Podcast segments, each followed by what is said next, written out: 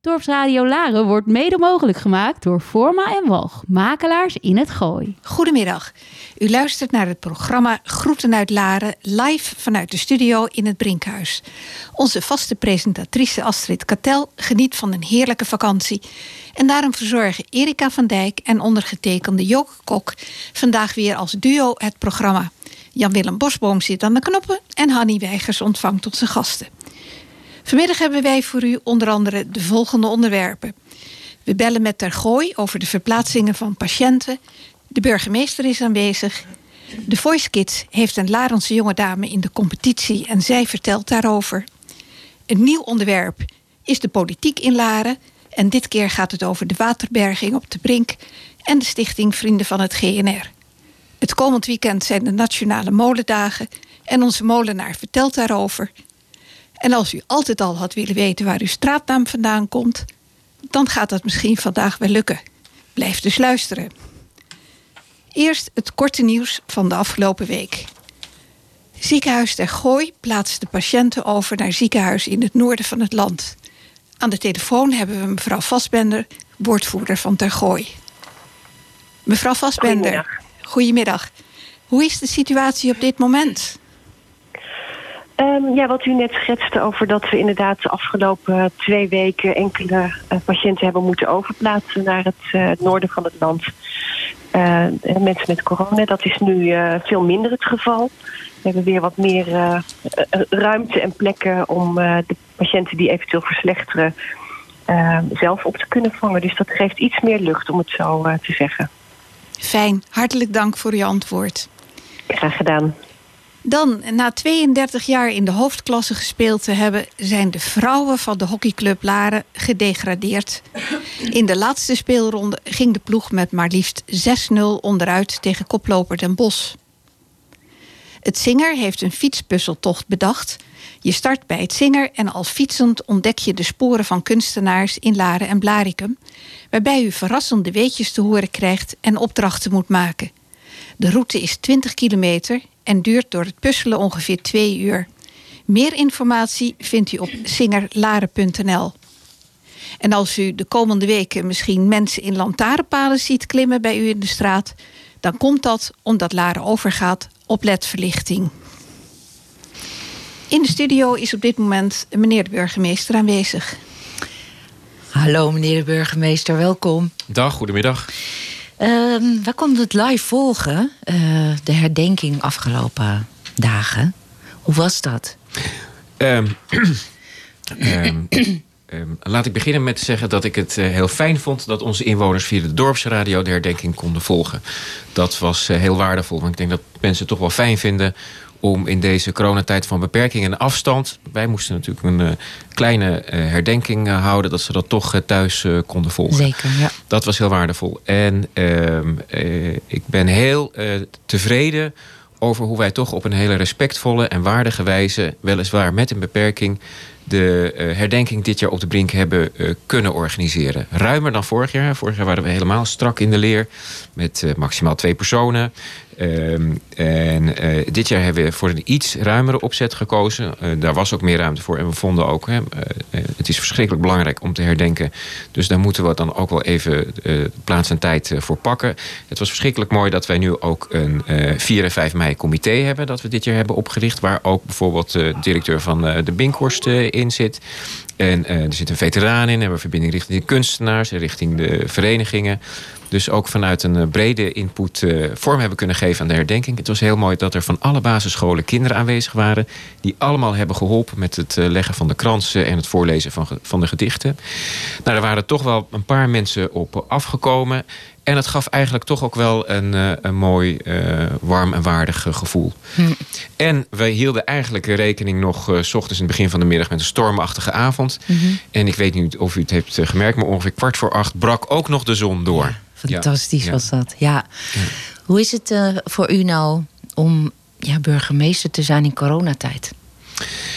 Uh, druk en saai tegelijkertijd. En misschien herkent u het ook wel. Er is verschrikkelijk veel te doen. Mm -hmm. Wij hebben natuurlijk, ik zeg wel eens, de gemeente is een beetje de boksbal op dit moment uh, tussen uh, en de regels en het kabinet. Wij moeten elke week weer bedenken hoe we de reform en inhoud aan gaan geven. Dus dat vraagt veel creativiteit. veel vergaderingen. Ik zit veel achter schermen. Ik Meer krijg dan er gewoon anders? een vierkant hoofd van. Ehm, eh, eh, en tegelijkertijd is het ook wel heel belangrijk dat we de samenleving door deze periode eh, helpen heen te loodsen. Dus houden we toch wel contact eh, met iedereen. Ik ben toch wel benieuwd hoe het met onze mensen thuis gaat, eh, met ondernemers. Nou, we hebben natuurlijk net eh, ook veel discussie gehad over de carspotters. Blijven we toch ook in gesprek met winkeliers. Morgen weer een overleg met eh, bijzonder laden. Dus het is toch belangrijk dat je iedereen goed eh, vasthoudt in deze tijd. En ehm, wat is nou het meest veranderd dan in uw werk? Nou kijk, ik ben burgemeester geworden om met mensen iets moois van een dorp te maken. Hè? En ik ben echt burgemeester geworden van Laren. Want hier gebeurt zoveel op zo'n klein oppervlak. En hier doen inwoners zelf ook heel veel met prachtige evenementen. eh, en activiteiten en het verenigingsleven. Ik ben burgemeester geworden om dat samen te doen hè, en mensen te helpen mooie dingen te doen. Dus ik ben ervoor gemaakt om erop uit te zijn, om buiten te zijn, om met jullie dingen te doen. Dus ja, voor mij voelt het ook allemaal heel na- onnatuurlijk. En eh, ik, ik had ook niet een jaar geleden gedacht dat we nog steeds in deze situatie zouden zitten. Dus ja, ik heb het eigenlijk liever ook eh, anders. Maar het is niet, het is niet anders. Ja. Ik ben wel heel blij. Ik, ik ben hier vrij, eh, vrij snel, want wij wonen op de Kerklaan en we zitten nu in het Brinkhuis. Dus als ik heel Zo langzaam loop, is dat vijf minuten. Ja. Ehm, en dan doet het mij toch alweer deugd dat ik aan de overkant weer wat beweging zie bij het Bonte Paard en bij Mauve. En dat de poffertjeskamer weer eh, Het leeft draait. weer. Dat vind ik dan toch ook weer fijn. Ja. Dus we moeten vooral ook genieten van de dingen die kunnen. En dat wel voorzichtig en verstandig doen. Ik sprak voor de uitzending nog eventjes met eh, René Stumpel. Dat is de directeur van onze GGD in het gebied. Dat nou René, gaat? Hij zegt, ja, het gaat gewoon nog steeds niet goed. Wij zitten op een heel hardnekkig eh, plafond van ongeveer 60 besmettingen per dag in het gebied. Nou, op de kaart eh, kleurt eh, Laren op deze week eh, aardig, maar dat kan volgende week weer eh, Mhm. verschillen. Het fluctueert toch. Ja, nou, we hebben net eh, berichten vanuit eh, Tergooi eh, gehoord. De IC bij Tergooi kan het nog steeds aan, maar het is altijd eh, weer eh, spannend. Dus ja, blij dat er weer dingen kunnen. En ik geniet er ook echt van. Ik mocht een paar weken geleden naar eh, een van onze basisscholen. Toen voelde ik me ook echt een koe die weer in de wei eh, mocht. En het blijft toch zo belangrijk dat we voorzichtig eh, Ja. zijn. Dus het is met elkaar steeds weer de balans blijven zoeken. Hoe is het met de handhaving, de openbare orde in Laren? Nou, ik zal je wat zeggen, dat gaat eigenlijk heel goed. Hm. Ehm, eh, ik had, als, als, als u mij een jaar geleden had gevraagd dat we dit een jaar gingen volhouden met elkaar, dan had ik niet geloofd dat we er op vandaag toch nog zo eh, bij zouden zitten. Hè. Het is voor heel veel groepen heel moeilijk en toch. En dat is wel een mooi bewijsstuk van het eh, boek van Rutger Bregman, hè, De meeste mensen deugen. Het is toch ontzettend knap dat het overgrote deel van de samenleving gewoon bereid is dit vol te houden en andere mensen te helpen het, eh, het vol te houden. En nou, we hebben natuurlijk ook de berichten gehad rondom de middelbare school in uh, Gooise Meren. Waar natuurlijk Ja. vreselijk uit de hand liep met eh, alcohol en eh, gevechtpartijen. En daarom geloof ik als burgemeester dat het heel belangrijk is dat we stapje voor stapje wel gaan versoepelen. Want er zijn groepen in de samenleving die ook ruimte en zuurstof nodig hebben. En als we dat nog langer onder de deksel proberen te houden, gaan we hele vervelende Ja. tafereelen kijken. Maar het blijft de balans. eh. Blijft een balans. Ja. Welke groepen hebben het nu het moeilijkst, denkt u? Nou, ik kreeg gisteren een appje van mijn vader en moeder. Ik kom uit een vrij groot gezin. We hebben een levendige familie-app. Mijn eh, vader en moeder zijn 84 en 85 en die stuurden gisteren een appje. Ja, wij zijn inmiddels gevaccineerd en lazen in de krant dat de meeste coronaslachtoffers nu vallen in de leeftijdscategorie 40 tot 60. Dus als we boodschappen voor jullie kunnen doen, eh, doen we dat heel graag. En dat menen ze ook echt heel Oh, ja. serieus. Het is heel goed nieuws dat heel veel mensen natuurlijk nu gevaccineerd zijn. Maar eh, de meeste zorg heb ik nog steeds om onze ouderen en kwetsbaren die, het, die echt een hele eenzame tijd eh, hebben. Dus daar moeten we er voor, echt, voor hen moeten we er ook echt zijn. En laten we niet vergeten dat er eh, veel mensen grote klappen ervaren eh, in, het, in hun werk. Schrijnende Inkomen gevallen. dat wegvalt. eh, en ik denk dat we daar nog wel, een, dat we, dat we daar nog wel de effecten van, van gaan merken. Ja. Ja. ja. Nou, we zijn ons allemaal aan het beraden op de komende vakantieperiode. Ja. We wachten echt eh, in spanning af Ja, hè, de versoepelingen die gaan komen. Heeft u zelf nog vakantieplannen? Ehm, als het allemaal kan, ga ik heel graag eh, eh, met mijn partner nog even naar, naar Frankrijk. Ehm, eh, maar dat doen we echt alleen als het, als het natuurlijk kan. Dat geldt van ons allemaal. Maar we gaan komende week ook even een weekje op vakantie. eh, in, in eigen land. eh, Heerlijk. Ja. Ja, mooi. Eh, wat wilt u de luisteraars van Dorp Radio nog meegeven voor de komende periode? Nou, dat ik eigenlijk ontzettend blij ben dat het heel goed gaat in ons dorp. En dat we heel goed de balans weten te bewaken. Ik weet niet of u zich nog Koningsdag uh, kunt voorstellen vorige week. Dat we allerlei foto's vanuit het hele land uh, kregen, vanuit de grote steden. Waar het heel druk was. En dat bij ons op de brink mensen eigenlijk in kleine groepjes rustig vanuit elkaar poffertjes zaten te eten of op een andere manier zaten te genieten.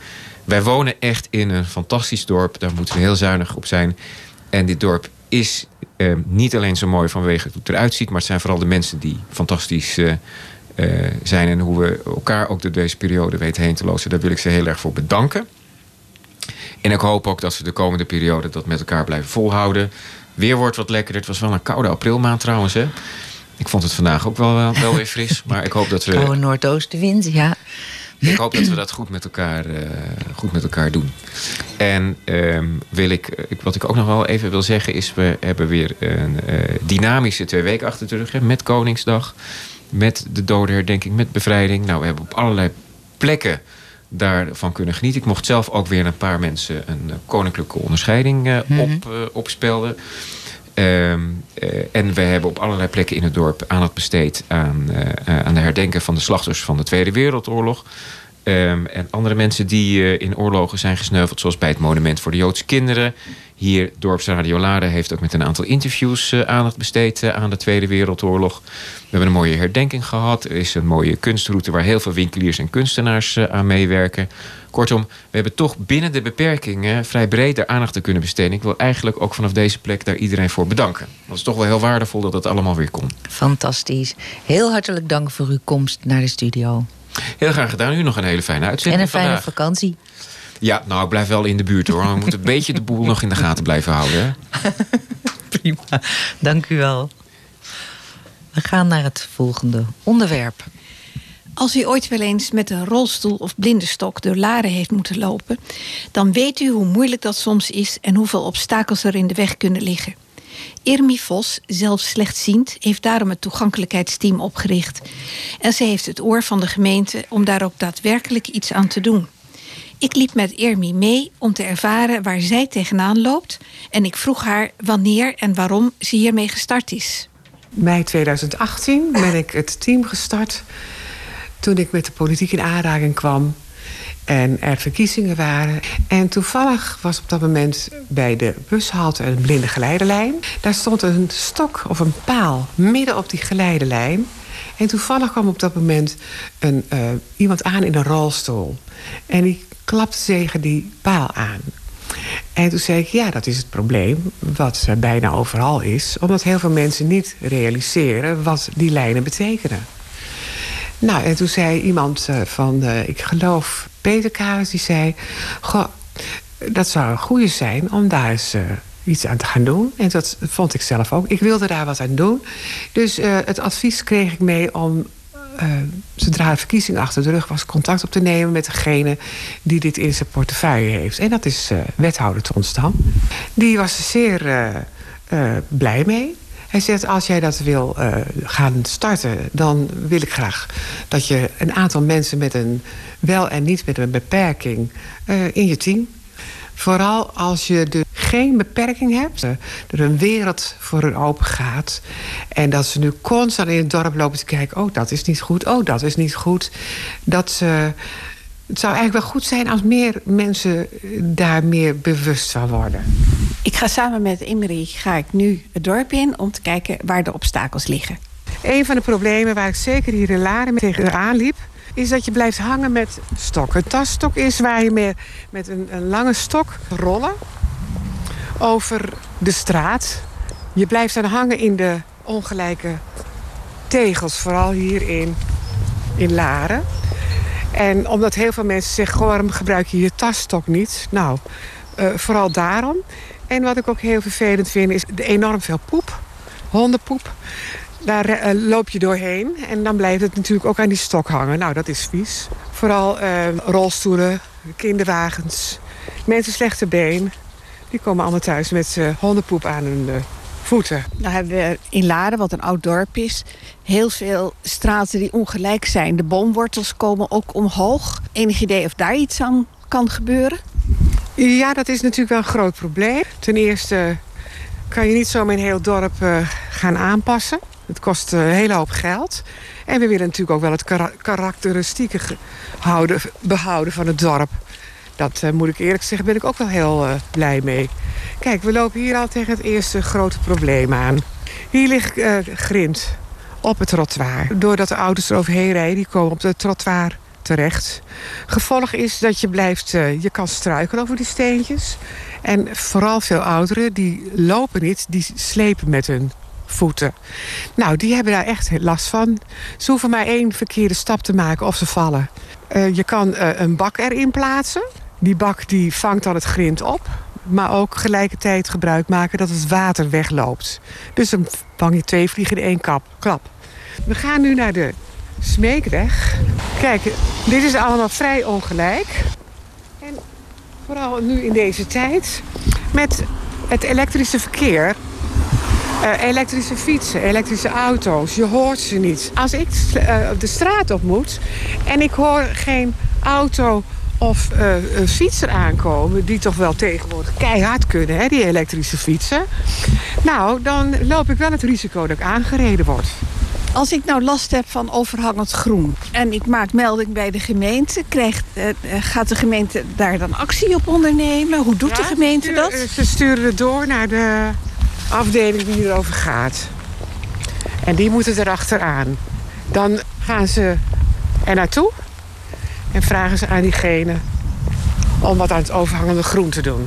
Je merkt uh, dat het hier erg smal is. Ik verdwijn in de heg. Elk project wat gedaan wordt, daar zijn we zo ontzettend blij mee.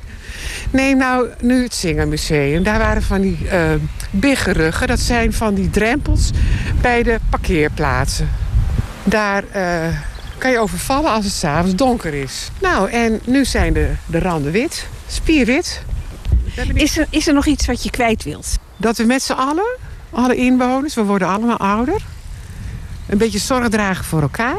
En dat doen we al heel goed, vind ik. Om Laren veilig en toegankelijk te maken. Laren vergrijst, veel ouderen. En door kleine dingetjes wat te doen... maak je het voor de voetgangers al een stuk draagbaarder. Dankjewel. Hallo, in de studio hier aanwezig uh, Dolce Beringer. Afgelopen vrijdag hebben we kunnen genieten van, uh, van jouw optreden in de Voice Kids. Uh, je bent 14 jaar en je woont in Laren. Ja. En jij zong in de Blind Auditions het nummer Let It Go uit de film Frozen. En uiteindelijk draaiden alle vier de coaches en, en kon je kiezen. En jij koos voor Samme. Yes. En je bent door naar de volgende ronde. En je bent nu hier bij ons live uh, in de studio aanwezig. Welkom. Hi, ja, welkom. Hoe is het de afgelopen week gegaan? Ja, uh, druk, maar superleuk. Maar natuurlijk, uh, het begon al. Je bent net op beeld en je krijgt al gelijk nieuwe reacties van mensen en lieve berichtjes. En je wilt natuurlijk op alles reageren. Maar ik heb echt het hele weekend lang ja, geprobeerd om uh, iedereen te beantwoorden. En uh, nog steeds komen er superveel leuke en lieve reacties uh, binnen. Dus ik vind het hartstikke leuk. Heel veel belangstelling in één keer. Ja, Zelfs de burgemeester heeft jou gebeld, hoor ja, ik. klopt. Ja, de burgemeester heeft mijn vader gebeld. En dat vond ik echt, echt heel gaaf. Dat vond ik echt, ja, dat deed echt iets. Bijzonder. Hoe lang ben jij al met muziek bezig? Hoe is het zo begonnen? Um, ja, het zat altijd wel al in me dat ik muziek heel erg leuk vond. Maar ik denk dat ik professioneel bezig ben geweest vanaf mijn zevende. En dat begon hier in het dorp. Kwam ik uh, bij de RTL Talent Academy hier.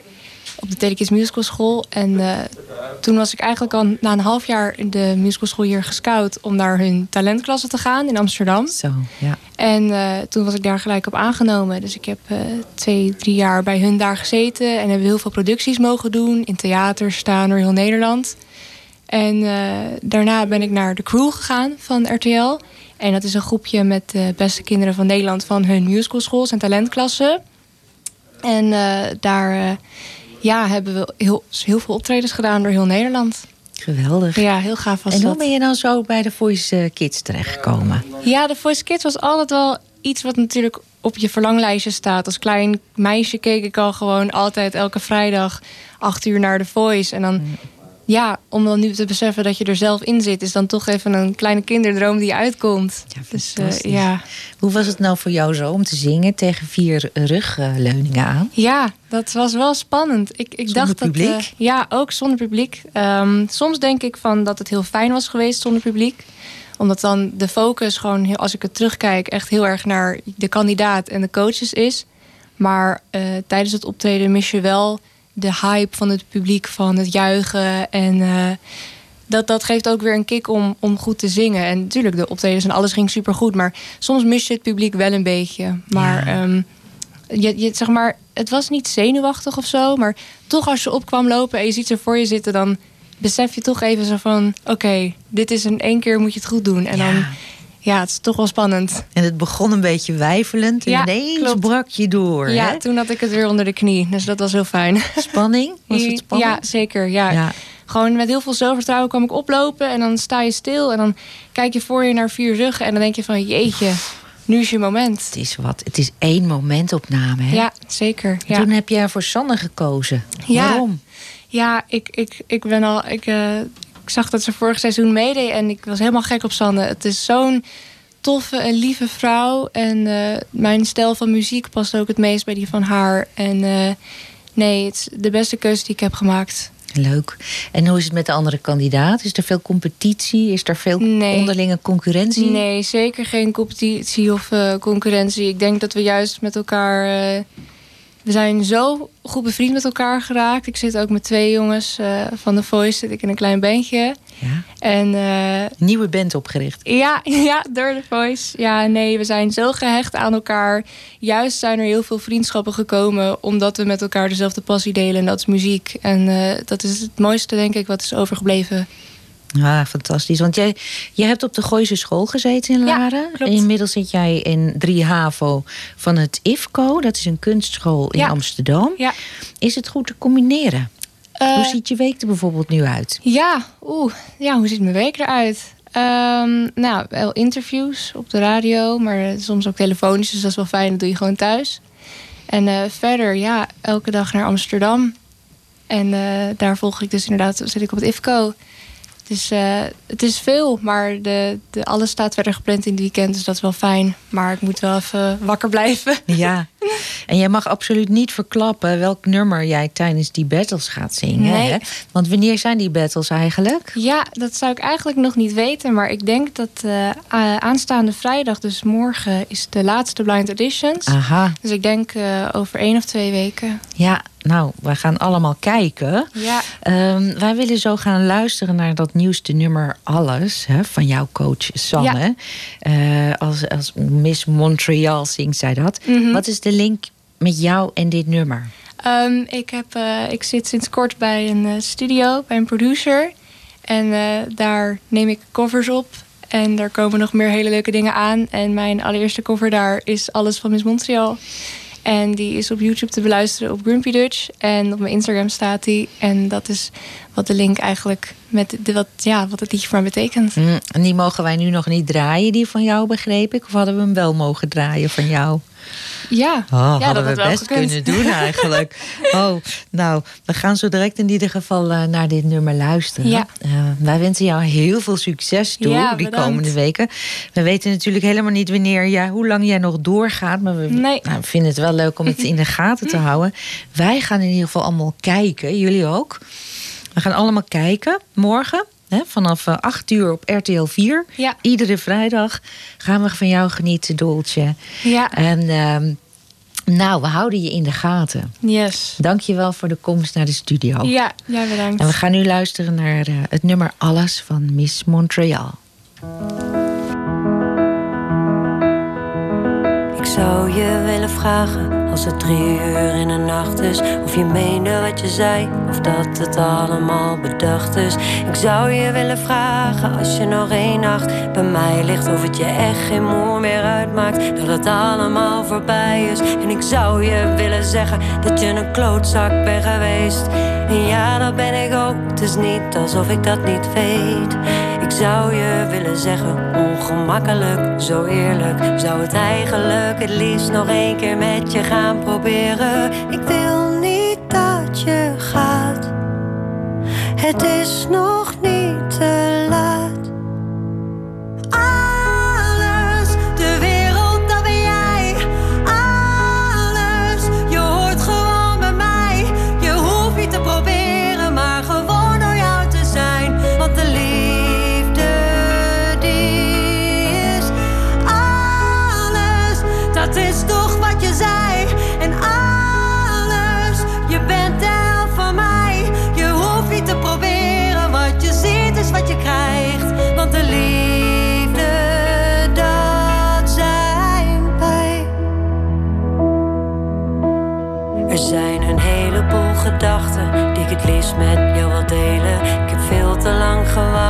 maar het kan me niet meer schelen. En ik weet dat je nog luistert, ook al ben je soms wat stil.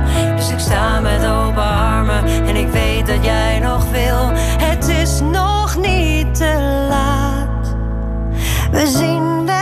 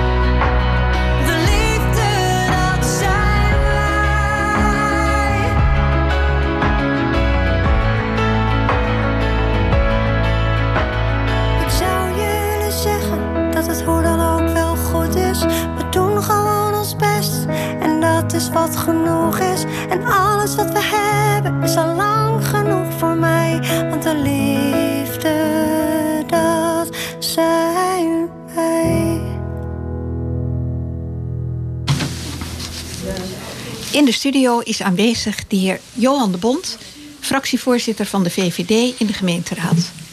De waterberging onder de Koesweert werd geschrapt van de agenda van de laatste gemeenteraadsvergadering. Meneer de Bond, welkom in de studio. Dankjewel. Op wiens initiatief is die waterberging van de agenda gehaald en waarom? Nou, het was al duidelijk eigenlijk in de commissievergadering voorafgaande aan de raad dat eh, ja, met name mijn fractie nogal moeite had met het nemen van een raadsbesluit. En dan vervolgens eh, de inspraak eh, daarover te laten plaatsvinden. Dat is eigenlijk het omkeren van de normale volgorde. En eh, daar hadden we al niet veel zin in. Toen heb ik na die commissievergadering met verschillende fracties overleg gehad. En uiteindelijk heb ik besloten, in overleg uiteraard met de fractie, om een eh, ordevoorstel in te dienen om het van de agenda af te voeren. Maar wat is nu precies de optische verandering? Als ik naar de tekeningen kijk, dan denk ik van... er verandert eigenlijk helemaal niks op die brink. Eh, uiteindelijk, als het project voltooid is en er onder de koerswaarde een grote berging is gerealiseerd en de vijver weer is teruggeplaatst, eh, dan verandert er visueel ook niet zoveel. Maar eh, ja, ik vind niet dat je inspraak moet houden als eh, er al een besluit genomen is. Je zult dus mensen de in de eerste plaats goed moeten informeren van wat gaat er gebeuren, hoe ziet dat eruit, welke vormgeving krijgt dat. En vervolgens ook de gelegenheid bieden om ideeën daarover eh, aan te dragen. En als, als, als voorbeeld misschien, eh, je ziet wel meer bij watergangen dat gemeentes daar een soort trappen maken. Waar mensen in het zonnetje aan het water eh, kunnen zitten. Ja, en je kunt weer dezelfde oever maken als er nu zit. Nou, eh, ga daar eens over in gesprek met mensen. Mensen hebben vaak hele leuke ideeën en laten ze dat vooral inbrengen. En hoe denkt u nu de bevolking van Laren te betrekken bij het nieuwe plan? Zodanig dat ze ook eigenlijk wel het gevoel hebben betrokken te zijn. Want ook bij de bomen zijn er twee bijeenkomsten geweest. En eh, niemand van Laren had het gevoel om daarbij betrokken te zijn. Hoe eh, denken jullie dit nu aan te pakken? Nou, kijk, bij het eerste plan hebben we uiteindelijk ook eh, een, een, eh, een motie ingediend om het hele plan terug te nemen. En te zeggen, laten we opnieuw kijken naar betere oplossingen. Dit is een betere oplossing, vind ik. Maar ja, daar er is nu door de wethouder Peter Kalis is, toegezegd dat er een, een goed voorlichtingsprogramma komt voor de bevolking. En ook volop gelegenheid om daarover de mening te geven. Nou, dat gaat natuurlijk via de afdeling communicatie van de gemeente. Die gaan daar plannen voor ontwikkelen. Ja, en wij als raadsleden uh, kunnen weinig anders als uh, even afwachten waarmee ze komen. En beoordelen of we dat voldoende vinden. En op welke termijn denken jullie dat daar nu communicatieplannen voor gemaakt worden? Die zijn in de maak. En volgens mij uh, komen die volgende week al naar buiten. En liggen er ook data en momenten vast. En de communicatie dan naar de bewoners lijkt me nog steeds niet erg makkelijk. Want ook de vorige keer, het is overal gepubliceerd geweest. Gaan jullie dat nu in verkiezingsprogramma's betrekken straks? Nou, ik denk dat uh, de, de besluitvorming over de koerswaarde... Uh, dat die dan achter de rug is. Ja, dan neem je het niet meer in verkiezingsprogramma's op. Dat, dat is dan voltooid beleid. Ja. Maar uh, ik denk wel dat, uh, dat er ja, wat anders moet komen dan alleen maar een simpel verhaaltje in het Lares Journaal. en, en een wat heel bescheiden voorlichtingsfilmpje. Ehm, dus ja, daar ligt een uitdaging voor het gemeentebestuur om daar een goed verhaal neer te zetten zodat mensen echt geïnformeerd uh, worden en, en het gevoel hebben ook dat hun betrokkenheid wat kan veranderen. Het is ook een kwestie van interesse wekken, denk ik, bij de bevolking. Van absoluut. Uh, de bomen triggerden het ineens verschrikkelijk. Iedereen stond op zijn achterste benen, heel laren in opstand, omdat er bomen weggaan. Dus het, eh, het kan wel om iets te triggeren waardoor uh, er meer belangstelling gaat ontstaan. En waar verwacht u eigenlijk tegenstand bij dit voorstel? Um, ja, in, eh, laat ik zo zeggen, bij de behandeling in de commissie bleek al gauw dat uh, uh, Liberaal tegenstander was van de locatie. ik begrijp niet zo goed waarom, eerlijk gezegd. Want dit is het aangewezen punt, hè, het laagste punt van waar, waar het overtollige water heen stroomt. Dus daar moet je het ook opvangen. En als je het dan zo doet dat je het gebied in feite niet aantast, maar uh, weer terugbrengt in de oude staat. Ja, wat kun je daar nog tegen hebben? Maar ja, dat is natuurlijk wel een groepering die vaak overal tegen is. Maar uh, als, ik, als ik gewoon voor mezelf naga, kan ik nauwelijks uh, echte bezwaren vinden tegen deze locatie en dit plan misschien is het een idee als jullie eens echt in debat gaan met z'n tweeën. Met de twee fracties uh, kunnen we tot elkaar komen in deze. Ja, uh, er is natuurlijk overleg, ook vooroverleg uh, over geweest. Want Liberaal Laren was het in ieder geval wel met me eens...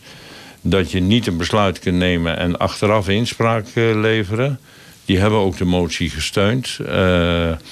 evenals D66 en het CDA...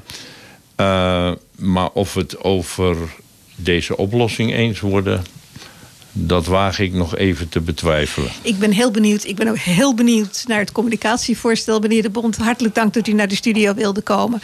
Wordt vervolgd. Graag gedaan.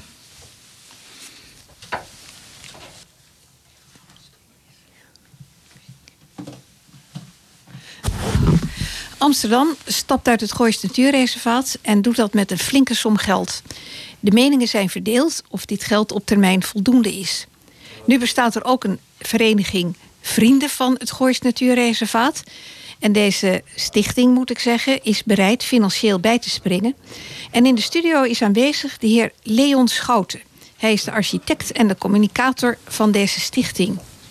Meneer Schouten, van harte welkom. Dankjewel, Joke. Waarom en met welk doel is deze stichting in 2014 opgericht? In 2014 ontstond er een uh, twijfel of het GNR de, uh, het beheer van uh, het Goois Natuurreservaat zelf wel aankon. het Goois Natuurreservaat is opgericht in 1928 door de zes Gooise gemeenten, de zes oude Gooise gemeenten, hè, dus Hilversum, Huizen, Laren, en Naarden en Bussum. toen 2500 hectare.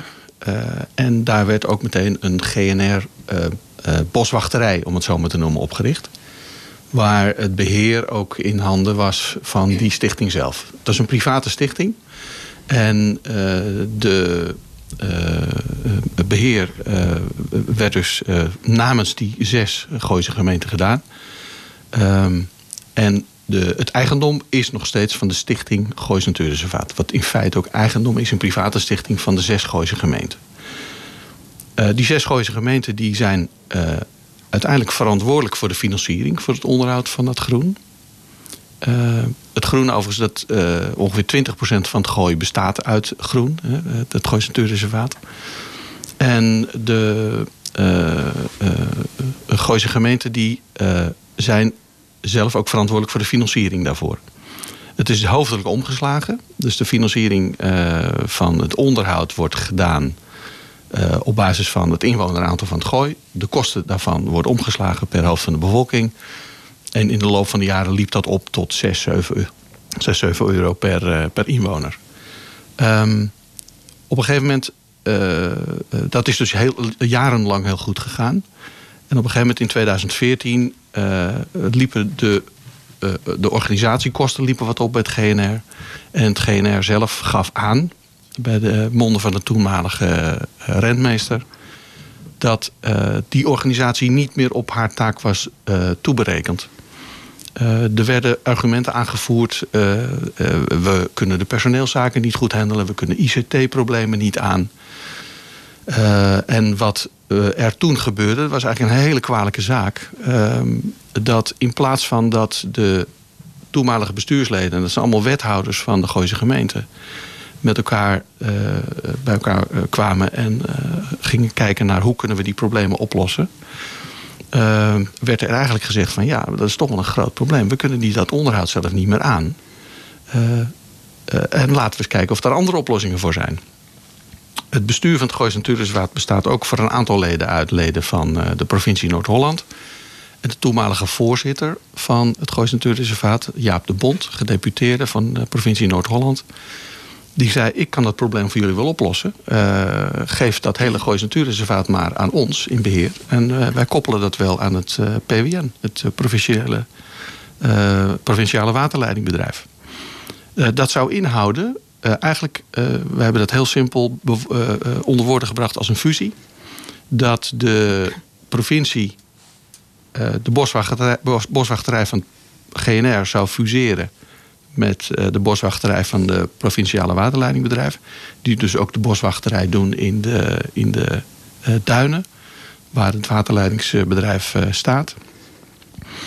en toen zijn wij met een groep vrienden actief in het geweer gekomen. En gezegd, jongens, dit gaat totaal de verkeerde kant op. Ik begrijp ook dat de stichting is een private onderneming. De stichting Goois Natuurreservaat is een, is een private stichting, ja. En dat is uh, in 1932. Nee, ik bedoel de Stichting Vrienden van het GNR. Uh, dat is een autonome stichting die. Zeker, zeker, zeker, ja. Ja. En die vrienden, die. Uh, uiteindelijk, in, in oorsprong is het ontstaan vanuit een aantal contacten vanuit Ladersbehoud, andere lokale politici. En we hebben al vrij snel contact gezocht met een aantal andere lokale politici, maar ook andere eh, partijen in het gooi. Uh, en gezegd, jongens, hier gaat iets niet goed. Uh, ons Goois Natuurreservaat wordt verkwanseld. Dat dreigt in handen te komen van de provincie. Uh, dat moeten we niet laten, laten ontstaan. in die tijd bleek dat de, het bestuur van het Goois Natuurreservaat... onder leiding van de gedeputeerde Jaap Bond... al vergevorderde plannen had. Die hadden al allerlei voorovereenkomsten in wording... Sterker nog, nog voordat de Gooise bevolking daar eigenlijk een, een goed plan, een goed idee over had kunnen vormen, was het bestuur van het GNR gewoon al bezig om de hele boel over te hevelen. Boswachters werden al getraind op de computersystemen van de provincie Noord-Holland. Uh, werden al uh, een aantal verhuisvoorstellen gedaan. En hoe hebben jullie dat tegengehouden? We hebben dat tegengehouden. Het was een, een, een, pittige strijd. We hebben eigenlijk in eerste instantie het voltallige bestuur van het GNR tegen ons gehad. Dus alle lokale wethouders die gaven ons aan... jongens, jullie weten echt niet waar je het over hebt. Die, dat GNR moet echt gesteund worden. En dat is echt veel beter dat het naar de provincie gaat. Er, er ontstond dus een gevoel bij het hele bestuur... dus ook bij de wethouders uh, dat, dat GNR echt in betere handen zou zijn bij de provincie. En dat is natuurlijk een volkomen ridicule gedachte. En jullie hebben als stichting het GNR kunnen overtuigen dat het niet het geval was? Nee, eigenlijk niet. Uh, wij hebben, wat ik al zei, het voltallige bestuur van het GNR kregen we tegenover ons. We waren een beetje Don Quixote misschien. maar we zijn blijven strijden. En we hebben eigenlijk van onderaf via de gemeenteraden, via diverse fracties. D66 Hilversum hulde daarvoor. Die heeft zich enorm hard gemaakt om daar ook tegen te strijden. Burgemeester Pieter Broertjes, die feitelijk niet echt goed op de hoogte was wat er speelde onder water. Dat het, dat het provincie, laat ik het maar zo zeggen, probeerde het GNR te kapen. Uh, dus wij moesten echt van onderaf moesten we de mensen overtuigen van... wacht even jongens, hier gaat iemand onze achtertuin onderhouden. Weten we dat wel? Willen we dat? Nee, dat, als je het goed uitlegde... Uh, nee, dat willen we eigenlijk niet. Maar uiteindelijk is het, is het wel gelukt. Uiteindelijk is het gelukt. En uh, we, we, wat ik al zei, we streden nog steeds tegen dat bestuur. Een aantal wethouders die begonnen ook fel tegen onze stichting op te treden. Die noemden ons activisten. En je begrijpt het helemaal, het verhaal niet. En dat is echt beter, want we kunnen dat helemaal niet onderhouden. En wij zeiden heel simpel, en zo is het nog steeds. Het GNR is met 28 man personeel. Een gewoon normaal midden- en klein bedrijf. Die gewoon heel simpel georganiseerd kan worden. De budgettering is heel eenvoudig. De totale kosten. Het GNR is een van de betere natuurorganisaties in Nederland die op een hele goede manier natuur onderhoudt. Er zijn verschillende onderzoeken naar gedaan. Die dat ook voor een heel redelijk budget doet. En het GNR doet dat voor een heel goed budget. Uh, en het is heel simpel. De rekening van dat onderhoud dat ligt uh, bij de zes Gooise gemeenten. Dus nu weer iets anders verdeeld natuurlijk, omdat er wat gemeenten ja, het, zijn. Het komt er eigenlijk op neer dat uh, ze zijn nog steeds zelfstandig. Ja. En het Amsterdam treedt nu uit. Dus er komen nu in wezen straks uh, geld tekort. Al was het maar over een aantal jaren als die afkoopsom dus op is. Nu heeft de stichting ooit gezegd... wij willen, uh, althans als ik de social media mag geloven... wij zijn bereid als stichting om 150.000 euro uh, per jaar bij te dragen aan het GNR. En ik begrijp eigenlijk dat dat nog niet gebeurd is. Wat moet het GNR doen om aan die gelden te kunnen komen als ze ze nodig hebben? Ja, nou, de stichting is geen actieve wervende stichting. De, de, stichting is een vriendengroep. De stichting is een burgerinitiatief opgericht om in ieder geval in eerste instantie die fusie te voorkomen. Dat is gelukt. Om nog even dat verhaal af te ronden. Uh, het is pas eigenlijk echt gelukt nadat we een uh, vrij uh, straffe juridisch onderzoek hebben laten doen. En in feite was op het moment dat de het bestuur die uh, fusie toch wilde doorzetten, hebben wij uh, een, een, juridisch onderzoek laten doen. En het bleek dat het simpel overhevelen van de onderhoud van het GNR naar de provincie helemaal niet mocht. En dat het aanbestedingsplichtig was. En dat was de provincie even vergeten. Ze dachten gewoon, oké, we geven dat onderhoud gewoon over aan PWN. En de, de, de, zaak is, is geklaard. Nu even naar wat heeft die uh, stichting Vrienden van het GNR uh, toegezegd... en wat uh, zijn ze van plan om te gaan doen. Ons grootste doel was bereikt in 2015. We hebben die fusie kunnen stoppen. Uh, Schout, als ik even mag onderbreken. Ja. De vraag was eigenlijk van... hoe komt het GNR aan het, aan het geld? Het antwoord was, ze vragen er niet om. Uh, dat was mijn het... antwoord niet. Heb ik het verkeerd begrepen? Maar... Het GNR uh, hebben wij destijds gezegd... jullie moeten veel beter je fondsenwerving op orde brengen. Als het erop aankomt, als je het nodig hebt... als je een tekortfinanciering hebt... dan wil uh, de, de, de, de, de uh, vrienden van het GNR uh, wil activiteiten voor jullie ondernemen. Zodra het duidelijk is dat de totale financiering van het GNR helemaal op orde is. En dat de gemeente zelf blijven bijdragen. Let op, de zes Gooise gemeenten, nogmaals nu iets anders georganiseerd door de fusies, die zijn verantwoordelijk voor de totale budgettering. We hebben steeds gezegd, op het moment dat er projecten zijn, of dat er speciaal moet bijgedragen worden aan projecten, is de stichting Vrienden van het GNR is bereid om fondsenwervende activiteiten op te zetten. Om, en wij hebben verwacht dat we zeker tot 150.000 euro per jaar bij elkaar kunnen brengen. Wij zijn op dit moment. Uh, en uh, er, er zijn uh, schenkingen gedaan. Er zijn activiteiten gaande. dat is vooral onder de oppervlakte. want als het nodig is, treden we weer naar buiten. Uh, en zelfs op dit moment zijn wij bezig om een, een groot project proberen rond te krijgen met het GNR, voor het GNR, dan, met een aantal grote schenkingen. Dan nodigen we je nog een keer uit om het grote Graag. project toe te komen lichten. Ja. Ik hoop dat GNR van de gelden gebruik gaat maken. Dank u wel voor de komst naar de studio. Oké. En dan gaan we nu naar het volgende onderwerp. Heel iets anders. Eh, aankomend weekend, namelijk 8 en 9 mei, is het Nationale Molen- en Gemalendag. En jaarlijks is dat altijd de tweede zaterdag en zondag in mei. Nederland telt nog ongeveer 1100 windmolens en een honderdtal watermolens. En ook Laren heeft een molen. Die stamt uit 1773 en die is overgegaan van vader op zoon. Aan de telefoon hebben we molenaar Hans Kalis. Hans, welkom in de uitzending. Ja, goedenavond. Welkom. Nou, eh, door de coronamaatregelen is er dit jaar geen grootse spektakel in Laren mogelijk. Hè, met pannenkoeken en een feesttent. Ehm, jullie willen het niet helemaal voorbij laten gaan, heb ik begrepen. Wat gaan jullie zaterdag wel doen? Nou ja, wat we in ieder geval gaan doen, wat eh, qua co- coronaregels eh, kan, is draaien met vlaggetjes tussen de wieken in. Zodat het in ieder geval nog een beetje een feestelijk Oh, dienst krijgt. gezellig, ja. Ehm, ja, verder kan er eigenlijk niks. Hè. Eh, alle museums, dingen, alles is dicht. Eh, wat we wel bedacht hebben is, voor het liefhebber, is een, eh, een doorloopmolendag. Het komt er letterlijk en figuurlijk op in deur in, deur uit. Ja. Ehm, je kan niet naar boven toe of iets dergelijks, maar beneden kan je even in de molen rondkijken. Ja, dat is het eigenlijk. eh, meer valt er onder deze omstandigheden niet van te maken. Helaas. Want hoe, hoeveel krijgen jullie normaal gesproken op zo'n eh, op zo'n dag? Nou, het is een beetje van het weer afhankelijk natuurlijk. Want dat is altijd een, eh, een grote spelbreker of geeft een hoop publiek. Maar normalerwijs gesproken heb ik altijd wel een paar honderd maal over de molen heen. Dat lukt altijd wel. Ja, ja, ja.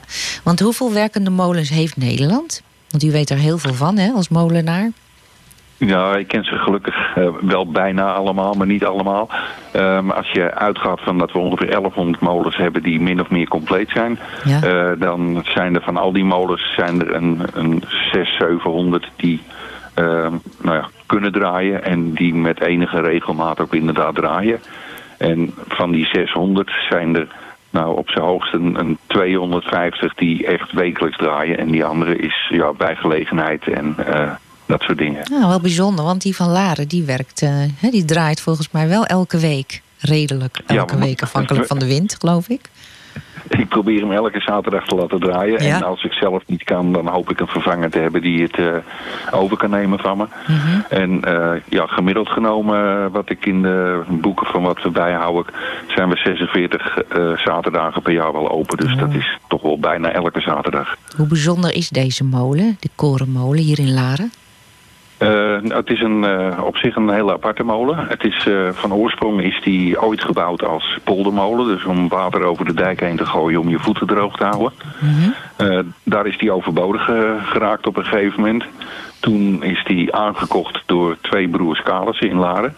Toen is die daar uit elkaar gehaald en hier weer opgebouwd. En toen hebben ze hem omgebouwd van poldermolen naar korenmolen. En eh, in die staat staat hij hier vanaf 1705. Dus de molen zelf is veel ouder als in de aankondiging verteld werd. Hij is ergens uit 1600, maar ehm, of dat 1601 is of 1699, dat kan ik je niet vertellen. Maar aan de constructiedetails binnenin de molen is te zien dat hij in ieder geval van voor 1700 is.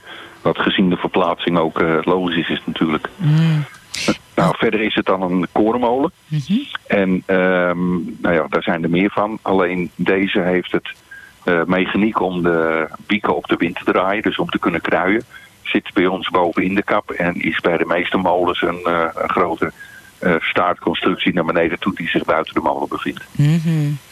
En wat is het belang van de molen heden ten dagen nog hier in Laren? Wat belang? Eh, ja, een aantal dingen. We zijn als eh, Nederlanders natuurlijk trots op molens. Hè? Mhm. Dat is toch een beetje een stukje erkenning.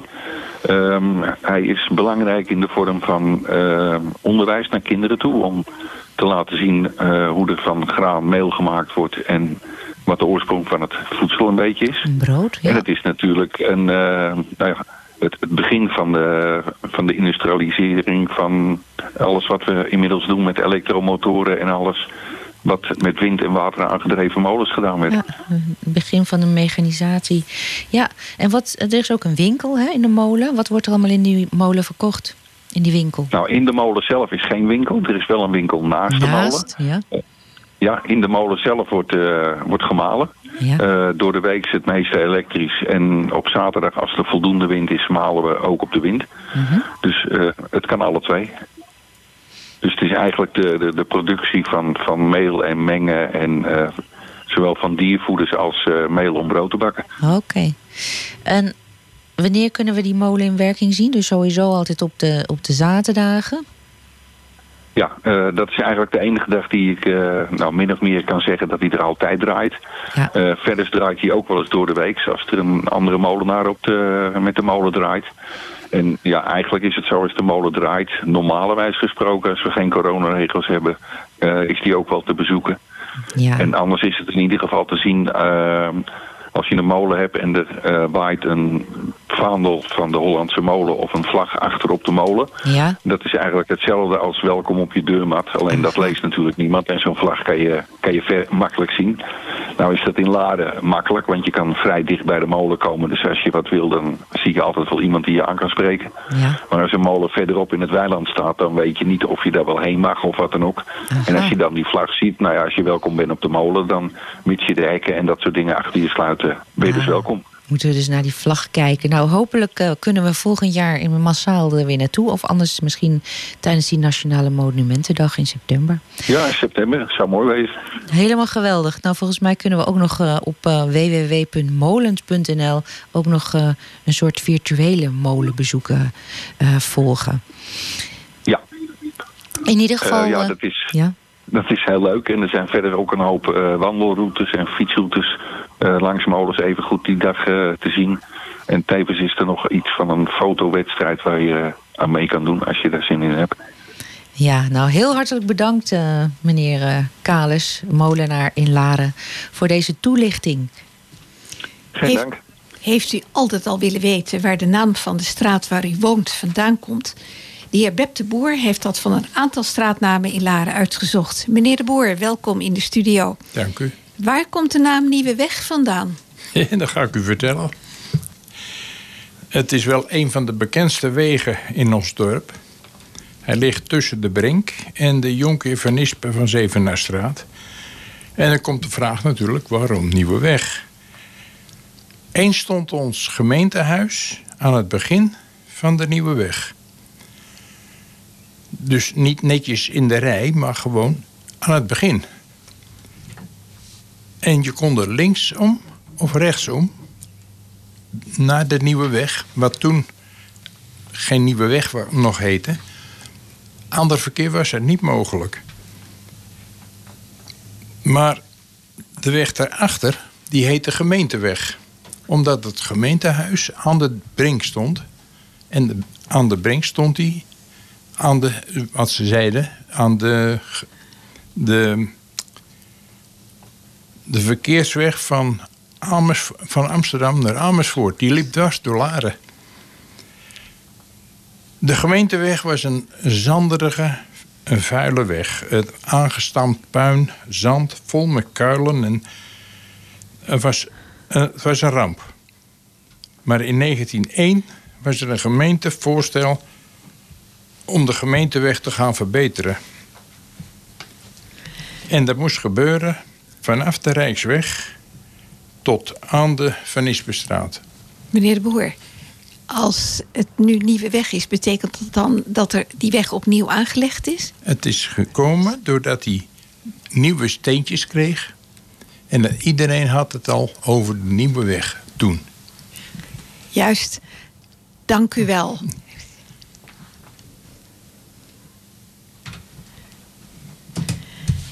Luisteraars, dit was ons laatste onderwerp voor vandaag. Volgende week zult u ons moeten missen, want dan is het Hemelvaartsdag en is het Brinkhuis gesloten. Over twee weken zijn we er weer met nieuws en wetenswaardigheden uit Laren. Nog een heel fijne avond.